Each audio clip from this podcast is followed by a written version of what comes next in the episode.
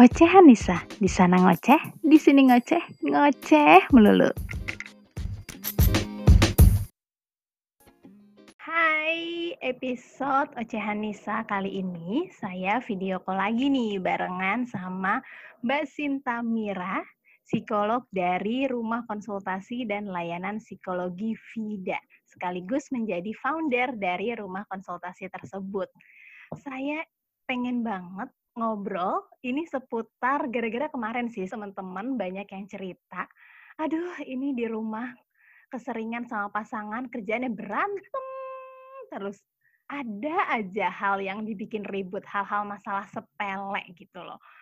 Halo Mbak Sinta, apa kabar lagi? Halo Mbak Nisa. Merasa, aduh kalau di rumah masalah kecil jadi gede deh berantem mulu. Kok bisa ya Mbak? Bukannya makin mesra. Sebenarnya masuk akal banget uh, intensitas uh, perjumpaan suami dan istri jadi sangat intens ya selama di Mhm. rumah aja. Mhm. Apalagi kalau ukuran rumahnya 4L ya, lu lagi, lu lagi Iya gitu ya. Kamar mandi ketemu dia, belok kanan ketemu dia ya.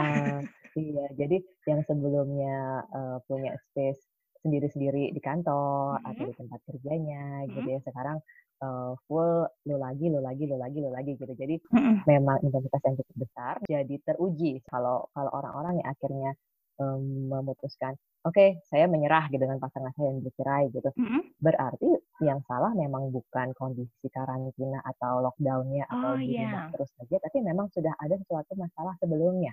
Mhm. Sudah ada masalah sebelumnya yang saat teruji dengan di rumah aja ini ternyata mereka gagal, misalnya gitu ya, jadi Mhm. menyerah dengan perceraian. Tapi ada juga yang saat diuji dengan di rumah aja ini, Mhm. jadi malah menemukan pola relasi yang baru yang uh, membuat membuat hubungannya mungkin ya makin berkembang. Benar sih gitu. Jadi Mhm. Mhm. kalau memang yang uh, sebelumnya, kalau saya ngeliat yang akhirnya bercerai memang sebelumnya kelihatannya sudah ada masalah-masalah dalam relasinya. KDRT pun meningkat banget ya uh, Oh gitu? laporannya sepanjang uh, karantina ini karena uh, KDRT kan sudah jelas ya ada pola hubungan yang salah ya. Mhm. Jadi uh, yang sebelumnya ada KDRT, KDRT itu bisa di, uh, verbal maupun fisik. Jadi yang Mhm. banyak mungkin malah verbalnya. Jadi uh, semakin sering ketemu tadi uh, kekerasan verbal itu mungkin makin sering terucap. Berarti bisa dibilang terlalu bersama itu belum tentu baik gitu ya Mbak untuk sebuah hubungan, emang harus berpisah sedikit gitu ya Mbak ya? Mhm. Menyiasati kondisi yang ada untuk hubungan mereka. Sebenarnya sih itu ya. Ini kan kita bisa bilang ini kondisi yang di luar dari kebiasaan dan bisa bilang ini juga uh, pola akan membentuk pola hubungan yang baru. Jadi gimana sih uh, pasangan ini sekarang dengan kondisi di rumah terus ini bisa membentuk pola hubungan yang baru. Misalnya, misalnya Mhm. nih Mbak, yang sebelumnya suaminya di luar terus, sekarang work from home terus gitu. Nah sekarang Mhm. ada pola hubungan yang baru nih. Misalnya sebelumnya istri Mhm. yang ngurus seluruh urusan rumah tangga, mungkin sekarang ada pola hubungan baru bisa dibagi 50-50. Dan Mhm. kalau uh, pola sebelumnya sudah sehat, uh, seimbang, biasanya uh, para suami pun oke bersedia kita berbagi peran uh, pola hubungan baru yang sehat. Tapi kalau pola hubungan sebelumnya udah nggak sehat, begitu diajak berbagi peran uh, untuk mengurus rumah tangga, suaminya misalnya marah atau gimana, Mhm. jadi makin berujung ke konflik, nah itu pola Mhm. hubungan yang nggak sehat, ya akhirnya konflik terus. Misalnya seperti itu. Jadi Oke. uh, lebih gimana akhirnya uh, pola hubungan ini beradaptasi. Oke, berarti apa sih Mbak penyebabnya kalau sama-sama di rumah dalam waktu yang lama itu berantem karena hal-hal kecil? Masalahnya apa sih sebenarnya Mbak? Oke. Sebenarnya masalahnya adalah di dua-duanya, Mhm. di baik suami atau istri. Dua-duanya? Uh, ada istilah namanya cabin fever ya, apa demam Mhm. demam kabin. Jadi kalau Oh, kita kebanyakan dalam ruangan tertutup atau dalam Mhm. rumah terus, Oh. nggak keluar-keluar, itu ada rasa emang secara secara emosional kita Mhm. agak agak ngerasa lebih stres dibandingin kalau kita bisa keluar rumah. Nah, namanya cabin fever. Mhm. Nah, uh, kalau dua orang yang sudah lagi stres dengan kondisi nggak bisa ke mana-mana ini. Memaksakan terus berinteraksi itu ya Mhm. bisa jadi jadinya konflik terus. Tapi kalau Mhm. dua orang ini uh, paham, oh ya saya lagi bete nih, biasanya bisa belanja ke Indomaret, sekarang nggak bisa. Oh saya Mhm. juga lagi bete nih, biasanya bisa uh, nongkrong di warung sebelah kantor, sekarang nggak bisa. Kalau dua-duanya tahu bahwa saya lagi bete dan kondisi saya, kemudian berusaha menenangkan diri dengan menurunkan stresnya dulu, kemudian mengelola stresnya, baru berinteraksi lagi, biasanya interaksinya lebih positif dibandingin kalau lagi stres berinteraksi. Bayang ya kalau dua orang yeah. yang stres berinteraksi mm -hmm. itu pasti yang ada uh, stres ketemu stres, yang ada lempar-lemparan uh, stres gitu ya. Tapi yeah, kalau yeah. dua orang yang sudah cooling down berinteraksi, hmm? biasanya interaksinya akan makin positif sebenarnya sih gitu. Hmm. Tadi Mbak uh, sempat bilang harus ada pembagian tugas di rumah ya, karena tugas rumah juga semakin banyak. Ada anak-anak yang harus mengerjakan tugas sekolah, bapak juga harus mengerjakan pekerjaan kantor, begitu juga ya. dengan istrinya. Pembagian tugasnya tuh memang harus dilakukan ya Mbak? Uh, ya makanya dengan dua-duanya sekarang di rumah sebenarnya uh, plus minus. Plusnya hmm. adalah uh, bisa berbagi tugas dengan lebih enak sebenarnya ya. Tapi minusnya adalah ya uh, yang sebelumnya tidak terbiasa dengan kondisi ini, ngurus rumah, ngurus anak, ngajarin hmm. anak, sekarang harus membiasakan diri dan bisa nambah potensi stres. Pembagian tugas itu memang sesuatu yang wajar ya dalam uh, relasi suami istri berbagi tugas itu hal yang biasa dan harusnya bisa ditemuin titik komprominya. Misalnya hmm. uh, kamu urusan uh, masak, saya urusan cuci piring. Misalnya gitu titik kompromi hmm. yang kayak gitu yang bisa membuat damai gitu. Bisa diperbaiki nggak sih Mbak pola komunikasi yang nggak sehat itu atau bibit-bibit masalah bisa jadi nggak ada nggak sih Mbak? Iya bisa banget kalau ada hmm. usaha dari dua-duanya. Pernikahan itu kan memang uh, istilahnya kayak kita main pingpong, tektoknya harus ada dua pemain gitu ya. Uh, yang pertama memang harus tahu uh, paham dirinya masing-masing. Kayak tadi saya bilang kalau emang lagi stres gitu ya dengan urusan kantor atau dengan urusan rumah, kita harus tahu gimana caranya nurunin stres kita dulu kita udah pernah mm-hmm. bahas di podcast yeah. yang sebelumnya ya yeah. tentang gimana sih kita mm-hmm. ngelola stres kita. Kalau kita udah bisa ngelola stres itu biasanya yang kita komunikasikan sudah hal-hal yang tidak tidak berbau-bau stres lagi, sudah hal yang lebih positif. Yang biasa terjadi, kita nggak kenalin diri kita, jadi saat kita ngomong sama pasangan yang keluar uh, kemarahan-kemarahan lah, kesalahan-kesalahannya aja gitu, itu malah jadi bumerang untuk uh, masalah. Kita pahamin pasangan juga, gitu. Mm-hmm. Pasangan kita kan makhluk yang berbeda ya Hmm. laki-laki perempuan itu hal yang berbeda. Jadi kita harus tahu uh, pasangan kita itu seperti apa dan bagaimana sih cara kita memahami mereka. Kayak misalnya uh, kalau misalnya jam uh, suaminya memang jam sekian jam sekian ada meeting di kantor, hmm. kita pahami itu. Kalau memang jam sekian sekian so istrinya memang punya jadwal untuk misalnya kelas online olahraga, suaminya juga pahami itu. Jadi artinya hmm. artinya uh, saling memahami yang hmm. berikutnya memang ada effort untuk tadi itu yang Mbak sudah sempat ngomong yeah. kalau ada sesuatu diutarakan misalnya mm -hmm. ingin berbagi tugas rumah tangga ingin berbagi hmm. tugas ngurus anak diutarakan tapi mm. yang utarainnya pun harus dengan uh, bahasa yang uh, lugas tidak muter-muter kadang-kadang perempuan oh, tuh sukanya gitu. muter-muter berarti nggak boleh ya Mbak kasih ngasih kode gitu ya, kode itu lama-lama bisa jadi bahaya tuh kalau oh, kebanyakan oh, gitu. kode. Jadi lebih baik kalau kita mengutarakan sesuatu, apalagi eh, laki-laki uh, itu uh, laki-laki hmm. perempuan punya tipe pemikiran dan otak yang berbeda gitu dalam hmm. mengelola informasi. Jadi hmm. yang bisa bahasa terselubung itu biasanya perempuan yang jago, laki-laki nggak bisa. Jadi uh, itu kita makanya harus memahami pola pola berpikirnya pasangan masing-masing. Uh, makanya kalau ke laki-laki saya selalu menyarankan para wanita ngomongnya yang lugas. Kalau emang mau oh, minta dijemput, okay. bilang minta dijemput. Oh. Kalau emang mau minta dibantu nyuci piring, bilang minta dibantu nyuci piring. Kalau kita malah muter-muter, pakai lempar-lempar barang, yang ada pasangannya bingung, ini ada apa? Gitu, malah nggak nangkep message-nya. Tapi kalau kita bilang dengan lugas, eh, laki-laki secara uh, pemikiran dan secara otak berpikirnya akan lebih mudah memahaminya. Begitu juga laki-laki. Laki-laki harus paham perempuan itu kadang-kadang memang berpikirnya agak muter-muter. Mm-hmm. Jadi memang harus dipahami nih kalau mm-hmm. agak panjang gitu ngomelnya mm-hmm. untuk tidak selalu uh, apa ya dimasukin ke hati. Kemudian yang kedua bahwa perempuan itu butuhnya uh, afeksi yang lebih besar. Jadi mm-hmm. para suami juga harus tahu bahwa ada kalanya perempuan butuh ungkapan sayang, ungkapan yang sifatnya uh, di, di, diutarakan secara langsung ataupun dalam bentuk pelukan, belayan mm-hmm. itu buat perempuan lebih lebih dibutuhkan dibandingkan misalnya advice atau nasihat-nasihat panjang gitu. Jadi uh, memahami uh, saling memahami antar pasangan yang penting banget sih sebenarnya. Laki-laki perempuan itu berbeda, jadi memang kita harus bisa memahami. Gitu. Sebenarnya perempuan itu ingin diperhatikan dan laki-laki itu ingin dipuji gitu ya, ingin diapresiasi gitu ya Mbak. Betul. betul Gimana banget. sih Mbak cara yang pas untuk mengapresiasi laki-laki? Puji, simpel aja, dipuji aja. Puji aja. Kalau oh, oh, kalau saya sering uh, siapin statement gitu untuk pasangan pasangan-pasangan. Punya template aja. Jadi misalnya kita tahu memang suami kita udah bekerja keras gitu ya. Itu puji aja. Kamu hebat deh. bisa ya kalau gitu hebat ya bisa benerin misalnya benerin kipas angin, oh bisa Oh, benerin apa. oke. Pujian-pujian kecil itu akan membuat, eee, suami lebih merasa dihargai dan untuk yang Mhm. laki-laki ke perempuan juga sering-sering ungkapin sayang gitu, "Kamu hari Mhm. ini cantik deh," gitu, atau peluk aja, atau cukup dicium pipinya gitu. Hal-hal yang simpel Mhm. kayak gitu akan membuat, eee, istri Iya. juga happy, ngerasa safe. Jadi makanya, eee, keseringan bersama selama pandemi ini kalau itu diterapkan justru akan menambah keintiman hubungan ya, Mbak, ya justru ya? Betul Mhm. betul. Jadi walaupun rumahnya lu lagi lu lagi, tetap, Mhm. eee, bikin jarak personal untuk masing-masing eksplorasi dirinya juga. Sehingga, Mhm.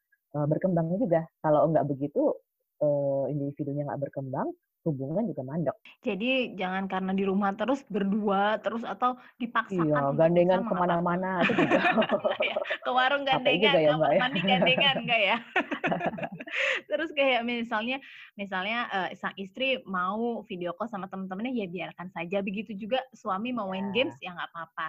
Biar refresh juga Betul gitu ya, Mbak, ya? Eee, hidupnya hanya sama pasangan aja ya orang nggak berkembang juga ya. Itu kadang juga yang masih, terlihat salah kalau misalnya weekend nih, sang istrinya mau pergi sama temen-temen atau suaminya mau pergi sendiri, nggak mau pergi sama anak-anak ataupun, Mhm sang istri lagi nggak mau pengen sama temen-temennya. Itu sebenarnya bukan hal yang salah ya, Mbak, ya? Harus dilakukan justru ya? Asal heeh, asal dikomunikasikan dan dikompromikan. Yang sering jadi masalah kalau nggak dikomunikasikan terbuka gitu, akhirnya jadi Mhm diem-diem, mhm. nggak ngomong Mhm gitu. mhm Atau akhirnya jadi berlebihan perginya sampai sampai malam misalnya Oh, gitu. Jadi. Mhm asal dikomunikasikan dan ada titik komprominya aja. Berarti Mbak bisa dibilang meskipun sudah menikah, bukan berarti kita kehilangan, eee, kesenangan kita gitu ya, Mbak, di luar ya? Bukan berarti itu terjadi Bener ya? banget, kehilangan Mhm. diri kita, eee, terutama banyak di wanita ya, udah Mhm. nikah ngurus anak, ngurus keluarga, Iya. terus sampai akhirnya Mhm. jadi kayak kehilangan dirinya sampai lupa, "Eh, dulu kan saya punya teman banyak, dulu kan saya punya hobi ini, dulu kan saya Mhm. jago jago bikin ini, kok sekarang udah nggak bisa semuanya." Nah, itu jadi kayak Mhm. kehilangan kehilangan diri kita yang, eee, sebenarnya, eee, harusnya kita tetap punya, walaupun sedikit sesuatu Mhm. yang mencerminkan kita tuh seperti apa. Oke. Jadi tetap harus berkembang ya, meskipun ibu rumah tangga, Betul meski siapa betul. pun diri kamu harus tetap berkembang gitu ya, Mbak, ya? Iya, betul Tetap betul. harus mencintai diri kita sendiri gitu ya, Mbak, sebelum bisa Betul, mampu heeh. mencintai pasangannya gitu Iya ya? iya. Mhm Karena mhm. kalau kita udah ngerasa kita nggak bisa berkembang, kitanya stuck, kitanya udah, ngerasa nggak berkembang dengan pasangan, yang ada saling mengkomunikasikan keluarnya ya konflik konflik konflik, terus ya ujung-ujungnya Oke. bisa perceraian. Karena ngerasa, "Saya udah nggak dapetin apa-apa lagi dari pasangan saya." Mhm. Mungkin yang salah bukan pasangannya, tapi diri kita yang nggak bisa mengeksplor kita maunya apa lagi sih. Jadi memang kalau sebelum perceraian, konseling sebelum perceraian itu biasanya masing-masing harus merefleksikan lagi benar-benar gitu. Mhm. Karena gimana pun pernikahan itu kan tadi saya bilang ya, dua pihak gitu. Jadi dua-duanya memang harus harus punya peran untuk, eee, memperbaiki maupun ya untuk mengupayakan yang terbaik. Jadi kalau misalnya dua-duanya sedang marah nih memutuskan untuk ya udah kita bercerai. Nah, sebelum bener-bener dateng nih, eee, ke meja hijau, apa sih yang sebenarnya dilakukan dulu gitu loh, Mbak? Kalau saya sangat, eee, rekomen untuk konseling pernikahan dulu. Jadi Oke. artinya kalau ngerasa sudah ada masalah dalam sebuah pernikahan, Mhm. eee, ada misalnya kekerasan verbalnya udah keterlaluan, udah Mhm bener-bener mhm. makan hati gitu ya, bener-bener bikin sedih Iya. terus di rumah. Nah, kalau memang udah terasa hubungan yang nggak sehat seperti itu, saran saya memang hubungi profesional. Oke. konseling pernikahan dulu, coba dulu langkah-langkah untuk mengupayakan yang terbaik. Kalau memang sudah diupayakan yang tidak berhasil, ya baru, eee, langkah selanjutnya apa, balik lagi ke mereka. Tapi, eee, paling tidak coba dulu untuk mengupayakan, karena hubungan itu, eee, kayak tadi kita main pingpong gitu ya, kalau Mhm mhm. masing-masing punya skill baru yang bisa diaplikasikan, cepet-cepet permainannya makin bagus gitu ya, Mhm nggak cuma itu-itu mhm. aja gayanya gitu. Tapi kalau, eee, masing-masing sudah main pingpongnya dengan ngelempar bola asal ke Oh, mana-mana, ya nggak iya. ada permainan sehat gitu ya. Mhm mhm mhm. Juga, eee, nantinya, eee, bisa menjadi semakin lebih intim justru ya setelah keputusan Betul. perceraian dipikirkan kembali, eh justru mungkin nggak jadi cerai dan semakin intim gitu ya. Bisa Makanya jadi, kenapa malah menemukan heeh. pola hubungan yang baru gitu ya. Oke.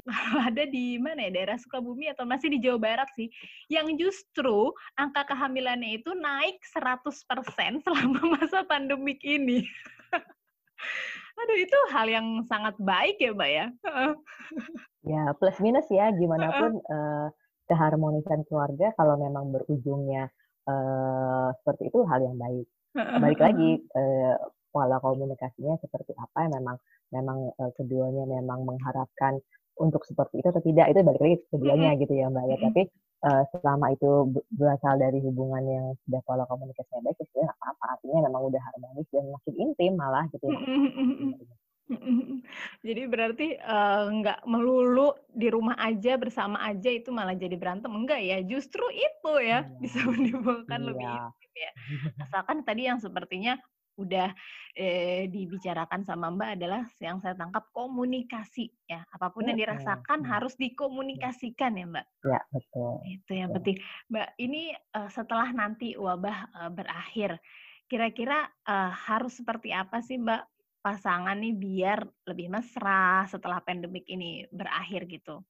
Agar agar keintimannya sudah dilakukan selama pandemik berlangsung terus gitu. Jangan pandemiknya beres, kemesraannya gitu ya, iya, kemesraannya iya. selesai gitu loh. Sebenarnya sih uh, kalau memang sudah ada pola relasi yang memang udah baik hmm. di kondisi apa pun terujinya dalam kondisi apa pun sebenarnya nggak akan masalah. Artinya kayak tahan uji. Saya bisa bilang tahan uji. Ada pola hubungan yang tahan uji. Okay. jadi uh, di dibentuk relasi lagi gimana pun ya di rumah bareng atau harus berjauhan kah atau harus ada uh, ada ujian-ujian apa pun tahan uji. Artinya mereka berdua bisa saling uh, tetap saling menguatkan saling uh, menghangatkan saling mendukung saling membantu satu sama lain untuk melewati ujian-ujian itu. Jadi sebenarnya uh, kalau nanti pandemi berakhir ya ada ujian baru kan gimana kita oh, kembali oh, iya. ke kehidupan yang sebelumnya dan itu jadi sesuatu yang baru lagi penyesuaiannya hmm. itu kan jadi ujian yang baru lagi juga jadi makanya gimana sekarang memang saat banyak dengan pasangan sering-seringlah mencoba komunikasi yang lebih sehat mumpung bisa tanpa kalau biasanya kan mungkin kita komunikasi dengan pasangan cuma lewat handphone, nelpon yeah. atau chatting gitu ya hmm. sekarang mumpung orangnya mungkin ada di sekitar kita sehari-hari sempatkanlah ngobrol ngobrol hmm. yang memang uh, terbuka dan juga dengan pola yang sehat. Misalnya pas anak-anak tidur siang atau anak-anak tidur malam, sempatkanlah berdua untuk ngobrol atau melakukan hal-hal yang memang sebelumnya disenangi, misalnya nonton film berdua.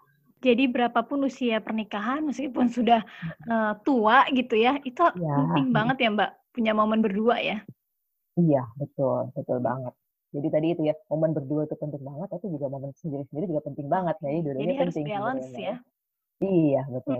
Tadi Mbak sempat bilang tahan uji. Aduh, gimana caranya tahan uji ya? ya terus juga tahan uji itu kan e, sepertinya butuh proses ya. Mungkin kalau yang iya, setahun, ya, dua tahun menikah, gimana caranya tahan uji? Uh, sebelumnya pola relasi yang ada dari antara dua orang ini memang sudah sehat, hmm. dalam bentuk ujian apa pun akan lebih tahan uji. Walaupun sudah menikah 20 tahun, tapi sejak pacaran sudah hmm. biasa nih uh, suaminya kalau minta sesuatu bahasanya kasar, ada pola hubungan yang nggak sehat hmm. gitu kan. Hmm. Dalam kondisi konflik itu malah lebih nggak tahan uji mungkin dibandingin yang baru nikah tahun dua tahun. Jadi memang hmm. nggak hmm. uh, serta-merta berdasarkan dari lama durasi durasinya berhubungan, tapi lebih okay. gimana pola pola relasinya. Jadi pas proses pacaran tuh perlu ya Mbak. Uh, ketika menikah kita seperti ini seperti ini ya. Siapa yang bagian tugas begini, siapa yang begini. Nanti kita akan seperti apa pola komunikasi itu sangat penting Mbak ketika pacaran dibicarakan. Sebaiknya walaupun uh, walaupun basically agak berbeda ya pacaran dan menikah ya, tapi hmm. uh, uh, pada dasarnya mengenal mengenali dan juga berusaha memahami bahwa uh, relasi pola relasi yang sehat itu harus dibentuk sejak pacaran itu penting banget. Makanya oh saya senang tuh kalau ada yang masih pacaran terus hmm. uh, datang untuk konseling konseling pasangan uh hebat oh, banget gitu masih, ya, masih pacaran nggak apa-apa banget kebiasaan-kebiasaan relasi yang tidak sehat yang, sebenarnya sudah kelihatan dari sejak oh. pacaran Nah, ketika sudah kelihatan nih saat pacaran lebih baik ketika nggak cocok aja ditinggalin aja apa dicoba dan lanjut pernikahan sih, Kadang suka gitu, nggak apa-apa udah iya. cinta yeah. gitu loh. Iya, betul. Banyak tuh kayak gitu ya.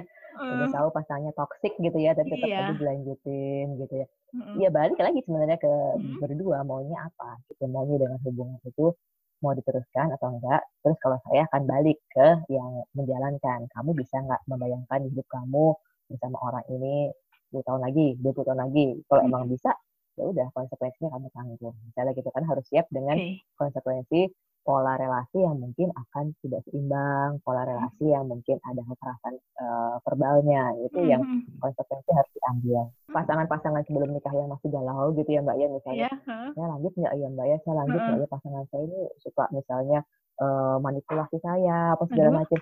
Kalau saya akan minta uh, yang bersangkutan yang ngerasa galau ini untuk tadi itu bikin personal space buat dia dulu untuk explore dirinya. Kamu mau apa? Oke. Gitu. Kamu mau apa? Dan uh, lihat hidup kamu dulu ke depannya mau apa? Uh, bisa nggak jalankan kehidupan yang seperti ini? Jadi benar-benar explore diri dulu. Kalau emang dia uh, cintanya sudah besar banget, Mhm. ya udah, gitu Oke, apa-apa. Tapi mumpung masih pacaran ya, Mbak, ya? oh, oh, kalau emang mempertimbangkan ya Mhm. udah mending putus aja, ya udah. Itu keputusan toh di tangan dia juga gitu kan ya. Mbak, kira-kira kondisi seperti apa sih ini Mbak yang kira-kira tidak bisa ditolerir sehingga harus bercerai dan kondisi apa yang masih bisa dimaklumi sehingga jangan bercerai? Biasanya kalau di uh, hotline-hotline untuk uh, apa masalah rumah tangga ini Mhm. yang paling berat dan juga memang sudah mengakar bertahun-tahun adalah kekerasan rumah tangga ya Mbak ya. Oke. Kekerasan dalam Mhm. rumah tangga itu biasanya tapi kekerasan dalam rumah tangga ini kan saya bilang akarnya udah banyak gitu ya. Kadang-kadang berawal dari sejak pacaran, berawal dari pola relasi yang udah nggak sehat sebelumnya gitu. Jadi memang Mhm. tercetusnya dalam bentuk KDRT. Jadi jadi memang ini special case, kasus khusus gitu ya. Kalau ada KDRT itu memang kasus khusus yang memang harus ada intervensi uh, secara khusus juga. Tapi selain KDRT misalnya cuma masalah uh, konflik sehari-hari, berbagi tugas ngurus anak, masalah miskomunikasi aja itu masalah yang masih. Istilahnya masih bisa banget diatasi oleh kita sendiri. Tidak bisa dimaklumi gitu ya, lebih baik berpisah aja kalau Ya, KDRT ya Mbak? masih Bisa? sebenarnya Masih bisa Mbak? ini juga step heeh, step untuk konseling dan juga untuk uh, ini juga panjang ya rehabilitasinya. Oke, Artinya bisa juga diperbaiki ya gitu. Mbak? Uh, balik lagi sih sebenarnya sudah Mhm. separah apa ketidaksehatan hubungannya. Uh, levelnya sudah uh, parah gitu ya mungkin uh, akan lebih baik berpisah. Oke, jadi KDRT itu sebenarnya masih punya potensi untuk masih bisa bersama, masih ada ya Mbak potensinya ya Mbak ya? Masih, Oke, masih. kalau perselingkuhan harus dimaklumi atau diputuskan saja Mbak? Perselingkuhan balik lagi sebenarnya ke komitmen kedua pihak. Seperti saya bilang ya, kalau kita main pingpong itu kan butuh dua Mhm. pemain. Jadi kalau pemainnya ini nggak konsen saat main pingpong, juga Oke. ini uh, ada sesuatu yang salah dalam pola permainan sebelumnya gitu. Jadi memang uh, reconcile-nya benar-benar berupaya banget akhirnya bisa harmonis lagi, bisa, uh, Oke. sangat mungkin untuk uh, bisa harmonis lagi. Tapi juga Hmm. balik lagi komitmennya. Kalau emang uh, nilai-nilai kesetiaan itu uh, tidak bisa dimaafkan, ya udah balik lagi sebenarnya sih kalau saya sih untuk untuk uh, hal-hal yang sifatnya menuju perceraian, saya akan kembalikan ke kliennya. Mungkin apalagi kalau Hmm. udah ada anak. Nah, kalau udah ada anak itu Mhm. makin ribet, makin rumit dan pertimbangannya harus ekstra panjang. Mbak, katanya perempuan itu mudah sih maafin, tapi eh, susah untuk melupakan. Ya kan? Itu butuh proses. Gimana Mbak caranya perempuan untuk bisa legowo, memaafkan dan menerima kembali eh, pasangannya agar masa pandemi ini nggak ada nih kata-kata perceraian gitu loh Mbak? Sebenarnya nggak cuma perempuan juga ya, laki-laki juga mungkin agak susah memaafkan, Oh agak susah gitu. juga melupakan, cuman mungkin karena kelihatan cuek aja. Mhm, mhm. Gimana caranya Iya mudah gampang. ngelewatin sesuatu yang memang sudah ada dosanya sebelumnya gitu ya, sudah ada kesalahan sebelumnya gimana caranya. Sebenarnya kalau uh, saran dari saya, kalau memang ini masalahnya ada di dalam relasi, dua-duanya harus bicarakan bareng-bareng dan harus sampai titik di mana uh, yuk kita usahakan lagi misalnya gitu. Jadi misalnya sebelumnya sudah ada perselingkuhan nih, atau sudah ada ketidaksetiaan, harus dibicarakan benar-benar berdua, harus Mhm. diupayakan, harus di artinya harus benar-benar ada perbincangan yang terbuka antara keduanya Mhm. sampai titik di mana kita mau apa dengan uh, relasi kita setelah ini. Mhm. Uh, memaafkan itu kadang-kadang memang uh, hanya di omongan karena habis kita maafin kita nggak ngomongin. Nah, Oh, itu salah ya idealnya Mbak setelah ya? kita maafin kita harus diskusiin. Gitu. Oke, saya maafin kamu karena kemarin salah, tapi sekarang Mhm. kita omongin yuk gimana gimana gimana ya. Menumbuhkan lagi kepercayaannya gimana caranya Mbak? Menumbuhkan lagi kepercayaan itu butuh waktu dan juga Oke. nggak uh, ada rumusnya gitu ya, oh. tapi balik lagi sebenarnya yeah. kalau memang udah ada sudah ada komitmen uh, kedua pihak sudah mengupayakan yang terbaik biasanya sih ya akan uh, apa ya jalan dengan waktu keharmonisan itu akan muncul lagi sedikit-sedikit. Mbak terakhir, kasih dong kata-kata atau quotes gitu buat para pasangan biar saat masa pandemi ini semakin romantis, bukan jadi menangis gitu loh Mbak. Oke, okay. uh, intinya uh, apa ya memang tidak ada tidak ada pasangan mm -hmm. yang sempurna tapi kita bisa mengupayakan hubungan yang terbaik buat kita sendiri kalau emang kita mm -hmm. sudah paham bagaimana cara kita bisa bahagia dengan diri kita sendiri jadi kalau kita sudah bahagia dengan diri kita sendiri kita akan punya uh, banyak energi bahagia yang bisa kita bagikan ke pasangan ke keluarga dan juga dalam kondisi seburuk apa pun kita akan lebih kuat untuk hmm. menghadapi berbagai ujian. Oh iya, buat kalian yang nah. mungkin merasa punya masalah soal pernikahan gitu ya, ingin konsultasi pernikahan, bisa di rumah konsultasi dan layanan psikologi Vida di Instagramnya aja ya Mbak ya, buka Betul. Instagramnya ya. Sekarang lagi ada layanannya semua hanya online, jadi mm -hmm. tidak terbatas lokasi ya, karena lokasi kami di Bogor, jadi dari mana pun kalau secara online bisa. Gitu. Oke, jadi yang mau konsultasi pernikahan tinggal buka aja Instagramnya @vida kita ya. Mudah-mudahan abis konsultasi dan mendengarkan podcast ini menjadi lebih romantis dan mesra lagi gitu ya Mbak ya. Betul. Mbak Sinta sekali lagi makasih banyak atas iya, sharingnya untuk kita semua. Sehat selalu dan salam untuk keluarga. Iya, Dadah Mbak Sinta. Terima kasih Mbak Nisa.